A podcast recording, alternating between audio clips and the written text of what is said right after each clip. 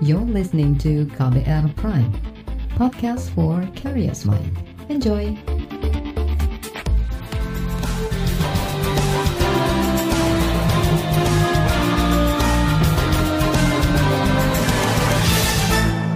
Halo selamat sore saudara, apa kabar Anda sore hari ini? Kembali saya Reski Mesanto hadir di KBR Sore, hari ini tanggal 19 Desember 2022. Sore ini saya mau ajak Anda untuk membahas nasib ratusan ribu pekerja migran Indonesia atau PMI dan keluarganya yang terancam stateless atau kehilangan status keluarga negaraan. Mereka tersebar di tiga negara bagian, Malaysia yaitu Sabah, Kinabalu, dan Tawau. Selain Malaysia, pekerja migran Indonesia dan keluarga yang berpotensi kehilangan status keluarga negaraan juga ada di kota Davao, Mindanao, Filipina. Orang yang tanpa keluarga negaraan dinamakan ap apatrait. Mereka tidak bisa ikut memilih di negara tempat ia tinggal, tidak dapat mengajukan permohonan untuk mendapatkan dokumen perjalanan, bahkan tidak dapat memperoleh sertifikat atau akta nikah. Mereka juga tidak bisa memperoleh perlindungan dari negara. Bagaimana mereka terancam stateless? Apa saja langkah yang harus segera dilakukan pemerintah? Kita bahas selengkapnya di KBR sore.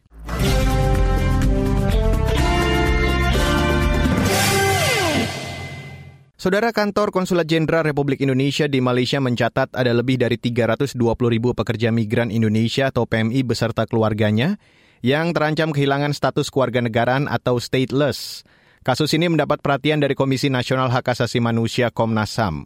Komisioner Komnas HAM Anis Hidayah mengklaim sudah bekerja sama dengan sejumlah lembaga terkait guna mendesak penanganan secepatnya. Komnas HAM sudah melakukan kerjasama dengan Suhakam dan Komnas HAM di Filipina untuk menyepakati bagaimana memiliki concern dan memastikan agar warga negara Indonesia, terutama pekerja migran yang ada di Malaysia yang menghadapi stateless atau ancaman hilangnya kewarganegaraan untuk segera uh, ditangani yang itu jumlahnya juga luar biasa banyaknya. Menurut data Konjen RI di Malaysia, setidaknya 325.477 orang adalah mereka menghadapi situasi stateless. Komisioner Komnas HAM Anis Hidayah menambahkan ratusan ribu pekerja migran Indonesia yang terancam kehilangan kewarganegaraan harus mendapat bantuan hukum. Komnas HAM juga mendesak pemerintah membentuk tim kerja untuk menyelamatkan 326 ribu PMI beserta keluarganya yang berpotensi stateless atau kehilangan kewarganegaraan. Komnas HAM merekomendasikan hal-hal sebagai berikut. Pertama, pemerintah Indonesia mengintegrasikan jaminan hak asasi manusia ke dalam kebijakan-kebijakan yang dikeluarkan dan dalam implementasinya, serta menerapkan prinsip business and human right terhadap perusahaan penempatan pekerja migran serta agensi atas tanggung jawab untuk menghormati responsible to respect hak asasi pekerja migran Indonesia. Yang kedua, pemerintah Indonesia mengatur, menjamin dan mengimplementasikan hak untuk mendapatkan bantuan hukum bagi pekerja migran yang merupakan bagian dari hak memperoleh keadilan dalam proses peradilan. Tiga, mendorong pemerintah Indonesia untuk membentuk tim kerja yang secara khusus menangani pekerja migran dan anak-anak pekerja migran yang kehilangan kewarganegaraan di Malaysia. Ya itu tadi Komisioner Komnas HAM Anis Hidayah. Sementara itu Duta Besar Indonesia untuk Malaysia Hermono mengatakan negara tidak boleh membiarkan WNI kehilangan kewarganegaraan atau stateless. Hermono mengklaim sudah melakukan beberapa kebijakan, misalnya pembuatan paspor bagi pekerja migran Indonesia atau PMI tak berdokumen yang mengikuti program pemutihan. Ada juga program pembuatan surat perjalanan laksana paspor atau SPLP, lalu ada program pembuatan dokumen identitas anak-anak pekerja migran Indonesia, dan ada juga program pendataan pekerja migran Indonesia tak berdokumen. Tak hanya di Malaysia, warga Indonesia beserta keluarga yang terancam kehilangan status keluarga negaraan juga ada di Filipina. Jumlah mereka lebih dari 800 orang. Mereka sempat dikunjungi Menteri Hukum dan HAM Yasona Lauli Maret lalu. Ketika itu Menkumham memberikan paspor RI kepada mereka. Sementara itu, saudara, laporan kasus terkait pekerja migran Indonesia yang masuk Komnas HAM terbanyak berasal dari Jawa Barat. Provinsi ini memang tak pernah sepi dari kasus-kasus ketidakadilan pekerja migran Indonesia di luar negeri. Sejumlah daerah terus mengingatkan agar calon pekerja migran menyiapkan dokumen legal agar tidak terancam kehilangan kewarganegaraan. Salah satunya dilakukan pemerintah Kabupaten Kebumen, Jawa Tengah. Saat peringatan Hari Pekerja Migran Internasional 2022, Bupati Kebumen Arif Sugianto mengatakan, Kelengkapan dokumen legal bertujuan agar para pekerja migran tercatat oleh perwakilan pemerintah di luar negeri. Kalau zaman dulu yang penting kita berangkat dulu. Soalnya itu Mbak Maria itu layu-layu, boleh tisu. Jadi layu-layu, eh jadi layu-layu. Dari kerja yang penting nyampe ke sana.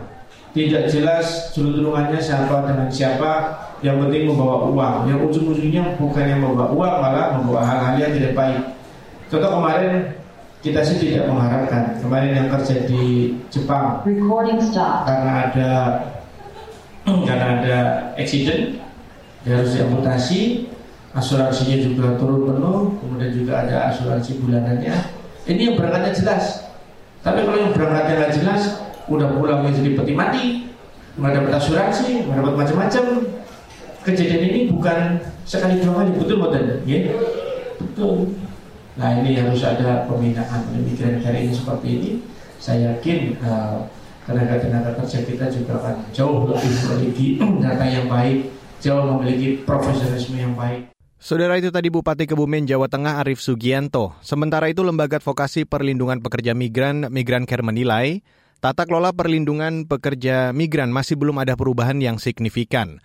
Padahal menurut Direktur Eksekutif Migran Care Wahyu Susilo, Indonesia sudah meratifikasi Konvensi Pekerja Migran dan memiliki Undang-Undang Perlindungan Pekerja Migran Indonesia. Ya, karena Kebumen ada inisiatif, ada perda, ada komunitas, juga daerah asal pekerja migran yang yang banyak ya, yang banyak dan kebetulan kita juga tadi uh, punya MOU dengan pemerintah Kabupaten uh, Kebumen sehingga saya kira ini hal yang konkret yang bisa nanti bisa ditindaklanjutin dari peringatan ini kita tidak ingin peringatan Hari Pekerja Migran ini hanya sekedar selebrasi.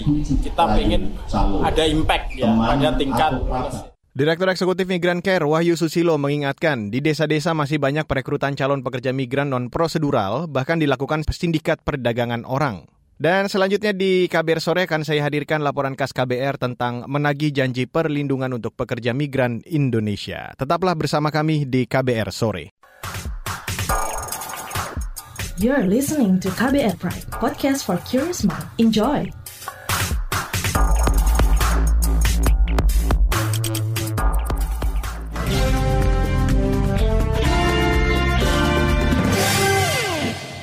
Saudara para pekerja migran Indonesia atau PMI masih menghadapi banyak masalah, mulai dari penempatan, ketenaga kerjaan, hingga minimnya perlindungan. Sejumlah permasalahan itu dinilai sebagai indikator lemahnya upaya perlindungan pemerintah terhadap PMI. Padahal selama ini mereka kerap disebut sebagai pahlawan devisa oleh negara. Selengkapnya saya ajak Anda untuk langsung mendengarkan laporan khas KBR yang disusun reporter KBR Heru Hetami. Kami dari Pilar akan menagih janji yang sudah dibeberkan setiap tahun oleh KJRI kepada kami. Karena kami setiap tahun sudah sering diundang, juga sering memberi pernyataan. Tapi selama ini saya mau tanya, apakah kawan-kawan semuanya melihat follow up dari jawaban kawan-kawan semuanya? Itu tadi Sumber, salah satu pekerja migran Indonesia PMI di Hong Kong. Dalam sebuah acara diskusi akhir pekan lalu, ia menagih janji pemerintah dalam menyelesaikan isu ketenaga kerjaan, penempatan, dan perlindungan PMI di Hong Kong. Pilar yang ia maksud adalah nama komunitas PMI di Hong Kong. Pertama, apakah yang sudah KJRI realisasikan atau buktikan selama satu tahun ke belakang ini? Yang kedua, KJRI apakah akan hanya menyampaikan dialognya saja tanpa mau mendengar apa yang sudah terjadi di lapangan sesuai dengan apa yang sudah kawan-kawan semua sampaikan. Yang ketiga, KJRI setiap tahun pasti ketemu dengan pemerintah Hongkong dan tentunya membahas terkait tentang gaji. Apa sih upaya KJRI melihat gaji PRT yang masih begitu-begitu saja, yang masih terendah dari upah minimum? Sumber menyebut masih adanya korban penyiksaan mencerminkan lemahnya perlindungan pemerintah terhadap PMI. Banyak kawan-kawan yang pulang dengan keadaan mayat atau jenazah. Ini bukan berarti menyalahkan bahwa itu takdir dari Allah, melainkan satu, jam kerja yang sangat panjang ini akan memicu karena kawan-kawan mudah untuk sakit. Bagaimana solusi sebagai KJRI yang dikatakan bahwasanya peduli dan juga care terhadap rakyat yang ada di Hongkong semuanya, khususnya buruh migran. Dalam kesempatan berbeda, pemerintah mengklaim telah membentuk satuan tugas untuk memitigasi perlindungan bagi para pekerja migran Indonesia PMI. Klaim itu disampaikan Menteri Ketenagakerjaan Ida Fauziah dalam peringatan Hari Migran Internasional yang digelar Kementerian Ketenagakerjaan akhir akhir pekan lalu. Kami juga sudah membentuk 25 Satgas PMI daerah asal daerah debarkasi dan embarkasi yang tujuannya adalah memberikan perlindungan dan early warning tindakan awal terkait penempatan dan pelindungan PMI. Pembenahan regulasi dan program-program kerja tersebut tentu sejalan semakna dengan nilai-nilai yang terkandung dalam tiga pesan kunci yang merupakan hasil dari dialog tingkat tinggi Perserikatan Bangsa-Bangsa. Namun, faktanya sepanjang 2020 hingga 2022, Komisi Nasional Hak Asasi Manusia Komnas HAM menerima lebih 250 laporan ihwal permasalahan yang melibatkan PMI. Aduan yang diterima meliputi pemenuhan hak-hak pekerja migran, yaitu gaji tidak dibayar, klaim asuransi, permohonan pemulangan pekerja migran karena hilang kontak. Kemudian kesulitan pemulangan jenazah, dugaan penyanderaan oleh majikan atau P3MI dan minimnya perlindungan dan bantuan hukum. Perlindungan hukum tersebut akibat kasus kriminalisasi, korban perkosaan yang berhadapan dengan hukum, penahanan di negara tujuan, dan lain-lain. Komnas HAM membeberkan perusahaan penempatan pekerja migran Indonesia P3MI menjadi pihak yang tertinggi diadukan. Sebelum semua data dan fakta itu diungkap Komnas HAM, Komisi Bidang Ketenagakerjaan DPR mempertanyakan kendala yang dihadapi Dewan Jaminan Sosial Nasional DJSN dan Badan Nasional Penempatan dan Perlindungan Tenaga Kerja Indonesia BP2MI dalam upaya perlindungan pekerja. Anggota Komisi Ketenagakerjaan DPR, Neti Prasetyani, menduga tidak ada kajian mendalam terhadap regulasi perlindungan sehingga masih ada persoalan yang dihadapi para pekerja migran Indonesia kajian ini juga perlu dilakukan kalau kemudian punya berbagai skema ada G2G, P2P ya. Sebetulnya apa sih yang paling mudah ya untuk memberikan layanan kepada PMI kita? Apakah yang G2G? Kalau ternyata lebih mudah G2G, ya harusnya semuanya dikejar dong. Negara yang sudah memperlakukan skema penempatan G2G untuk uh, PMI kita. Menurut saya ini juga perlu dilakukan. Nah, apakah sudah di, pernah dilakukan ini oleh DJSN, kajian-kajian seperti ini? Apakah kemudian hanya dilemparkan kepada BP2MI karena judul atau nomenklaturnya Badan Pelindungan Pekerja Migran Indonesia? Neti menegaskan perlindungan terhadap PMI masih perlu diperluas pemerintah, misal dengan membekali keterampilan bahasa, memberikan jaminan sosial seperti BPJS dan BPJS Ketenagakerjaan. Menurut Neti, pemerintah melalui BP2MI juga harus merealisasikan komitmen untuk menghilangkan sindikat penyaluran PMI non-prosedural, sehingga tak ada lagi warga negara yang tertipu dengan iming-iming yang justru mengancam keselamatan PMI. Laporan ini disusun Heru Haitami. Saya Aika Renata. Saudara kalangan DPR mendesak pemerintah memberikan kemudahan bagi pekerja migran Indonesia di luar negeri untuk mengurus perpanjangan dokumen kewarganegaraan termasuk paspor. Selengkapnya desakan DPR itu akan kami hadirkan sesaat lagi, tetaplah bersama kami. You're listening to KBR Pride, podcast for curious mind. Enjoy!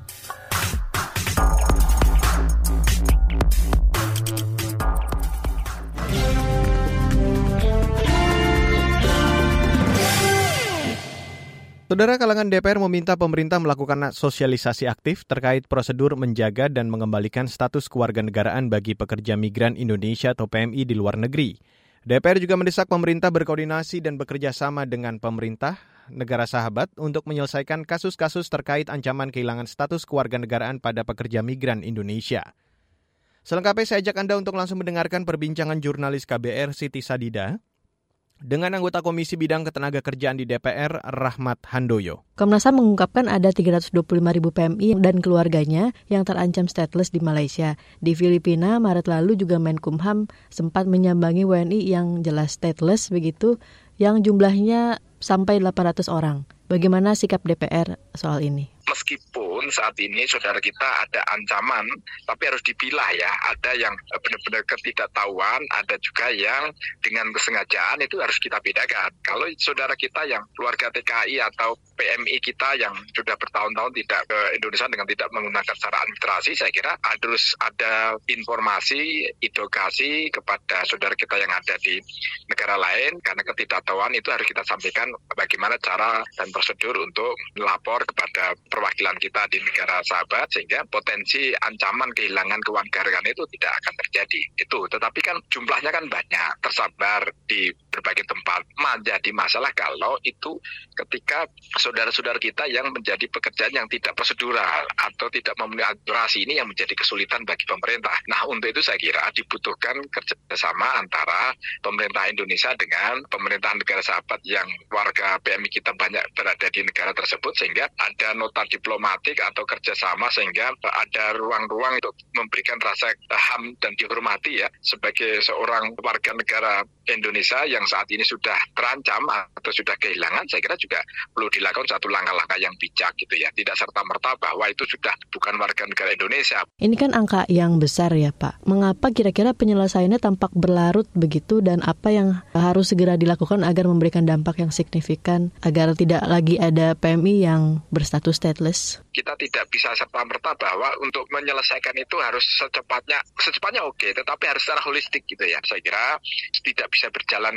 kerjasama dengan Indonesia sendiri, tetapi juga dibutuhkan negara sahabat seperti Malaysia khususnya ya. Nah, tetapi memang bukan bermaksud berlarut-larut, tetapi ini benang kusut ruwet gitu loh. Ini benang kusut ruwet adalah karena pemerintah tidak punya data, terutama yang non prosedural. Kalau prosedural oke okay lah mudah. Berarti kalau sudah prosedural mereka berkeinginan ada juga keinginan untuk meninggalkan kita. Tetapi kalau yang non prosedural dan ketidaktahuan itulah yang membuat itu menjadi kita harus bijak itu tidak serta merta bahwa itu adalah bukan warga negara Indonesia. Ya secara integrasi tapi sebagai anak bangsa bahwa dia ketidaktahuannya mereka adalah sebagai masih tetap sebagai warga negara Indonesia. Intinya adalah ketika mau pulang Indonesia ya harus diberikan ruang-ruang yang manusiawi ruang-ruang yang sehingga ketika berkeinginan untuk pulang ke Indonesia ya harus diberikan karpet merah. Salah satu penyebab stateless itu tidak mengurus dokumen sah karena tidak punya uang akibat terdampak COVID-19 kemarin. Nah kira-kira adakah dorongan dari Bapak bagaimana seharusnya pemerintah melahirkan kebijakan yang mudah murah juga cepat dan tidak berbelit agar tidak kesulitan diakses oleh para PMI di luar negeri? Kalau menggunakan pendekatan prosedural saya kira juga begitu rumit ya. Dan saya kira orang atau saudara kita yang akan mengajukan juga akan hopeless juga. Ada biaya saya kira untuk saudara kita yang khususnya PMI ya, yang warga negara yang uh, hidup di sana pun juga butuh perjuangan, sehingga juga kita harus berikan solusi, tidak kita equal ya, harus ada perlakuan khusus kepada rakyat kita yang secara migrasi tidak menjadi warga negara Indonesia, tapi masih menganggap Indonesia adalah tanah air dan sebagai warga negaranya, warga negara Indonesia, saya kira harus ada pengecualian gitu ya. Uh, meskipun prosedurnya tetap harus menggunakan, tetapi kan bisa jadi masalah, gitu. bisa berkelompok, bisa juga dengan uh, bersama-sama, tidak satu persatu, karena mereka masih tetap menganggap sebagai warga negara Indonesia. Jadi hanya masalah ekonomi, masalah ketidaktahuan. Kalau pada masalah ekonomi diberikan karpet merah, diberikan pengecualian, itu menjadi salah satu solusi. Ya, saudara itu tadi anggota Komisi Bidang Tenaga Kerjaan di DPR Rahmat Handoyo. Lembaga Advokasi Perlindungan Pekerja Migran menuding Pemerintah pusat dan daerah tidak pernah maksimal melindungi nasib para pekerja migran. Apa yang semestinya dilakukan pemerintah? Selengkapnya sesaat lagi. You're listening to KBR Pride, podcast for curious mind. Enjoy!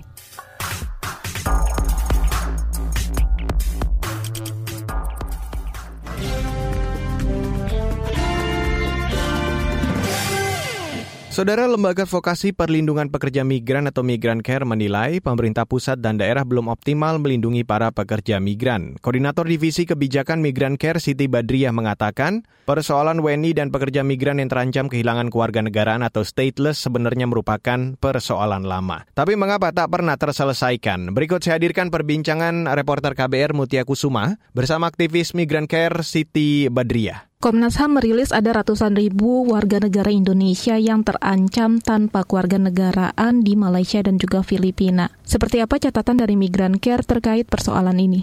Dari dulu sebenarnya sudah sangat banyak ya ini PMI yang terancam uh, stateless ini. Eh, bukan terancam sebenarnya, memang stateless kalau dari dulu itu ada ya. Karena apa? Uh, beberapa PMI kan memang berangkat ke luar negeri melalui jalur yang uh, tidak tidak membawa dokumen gitu. Ya. Kemudian uh, beberapa yang bermasalah dengan apa majikan, kemudian lari uh, dokumennya yang pegang majikan atau agen itu kan kemudian juga nggak nggak punya dokumen mbak itu kan uh, apa uh, kemudian stateless juga ya kan kemudian beberapa PMI yang ke Malaysia itu uh, tidak membuat dokumen kemudian uh, menikah dengan orang-orang Malaysia atau orang apa uh, sesama PMI atau sesama PMI yang nggak berdokumen kemudian uh, ada anak melahirkan anak kemudian mereka uh, apa melahirkannya itu tidak di apa fasilitas uh, kesehatan yang uh, resmi seperti rumah sakit itu kan kemudian nggak ini ya nggak ada dokumennya ya dari anak-anak itu. Nah mereka mereka itulah yang kemudian berpotensi untuk apa terancam stateless itu. Apa aja sih Bu dampak yang dirasakan oleh warga negara Indonesia yang terancam stateless maupun yang sudah benar-benar tanpa keluarga negaraan Bu? Ketika mereka kemudian tidak produktif, kemudian atau masih produktif tapi ber, apa, e, menginginkan untuk pulang ke Indonesia, nah itu kemudian yang sulit untuk uh, kemudian membuat dokumen itu Mbak beberapa PMI yang pulang dari Malaysia itu kan sama sekali nggak pegang uh, dokumen ya. Kami beberapa kali itu mendampingi dan itu agak susah dalam uh, membuat dokumen-dokumen untuk anaknya bahkan uh, itu orang tuanya sendiri gitu. Terutama anaknya ya karena anak kan masih uh, masa depannya masih panjang dan itu kan hak sebagai uh, anak untuk apa uh, mempunyai dokumen gitu. Bu, ini khusus di Malaysia dan di Filipina aja atau di negara-negara lain juga banyak Bu PMI yang terancam uh, stateless itu? Selain Malaysia itu Arab Saudi sebenarnya Mbak. Arab Saudi juga banyak sekali ya. Sampai mereka berlindung di bawah jembatan Kandarahan waktu itu kan banyak yang stateless itu. Enggak, enggak nggak uh, memperpanjang dokumen. Kemudian untuk pulang, kalau nggak punya dokumen kan pulangnya susah. Nah dari Malaysia sendiri kalau nggak punya dokumen juga kita ini dalam uh, waktu dekat ini kan kita juga uh, mendapat pengaduan tentang apa PMI yang mau mau pulang tidak lewat jalur imigrasi yang lewat jalur ilegal itu kemudian uh, kapalnya belum sampai uh, daratan gitu udah di ini polisi akhirnya kan teman-teman ini yang mau pulang ini akan uh, ini apa tercecer gitu akhirnya beberapa itu ditangkap dan uh, dipenjara gitu rekomendasi dari Migran Care terhadap pemerintah terkait perlindungan PMI terutama yang terancam stateless tersebut apa Bu? Kalau ada PMI yang uh, melalui jalur-jalur yang uh, tidak resmi kan karena majikan di sana juga uh, juga banyak yang mencari gitu kan. Nah ini yang ditindak kan uh, selalunya pekerja migran majikannya tidak tidak tersentuh gitu kan. Ini tidak fair gitu. Nah kemudian juga soal legislasi uh, tentang kebijakan uh, pelindungan pekerja migran ya diimplementasikan, diimplementasikan dengan baik gitu. Ya, Pak diawasi dengan uh, baik uh, pelaksanaan uh, apa kebijakan tersebut gitu uh, kemudian juga ini tentang apa penindakan pada uh, yang yang melanggar uh, kebijakan itu. Kan masih banyak pelanggar-pelanggar itu kemudian uh, mendapatkan hukuman yang tidak membuat dia jerah gitu. Pelanggar ini berarti termasuk sindikat uh, perdagangan orang begitu ya Bu? Iya betul. Ya saudara itu tadi perbincangan reporter KBR Mutia Kusuma bersama aktivis Migran Care Siti Badriah. Dan perbincangan tadi sekaligus menutup KBR sore untuk hari ini edisi 19 Desember 2022. Terima kasih untuk Anda yang sudah bergabung sore hari ini dan ingat selalu patuhi protokol kesehatan di mana pun Anda berada. Saya Reski Mesanto undur diri dari KBR Sore. Salam.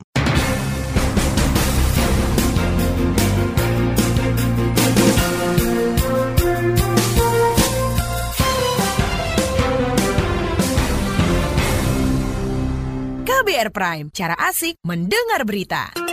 KBR Prime, podcast for curious mind.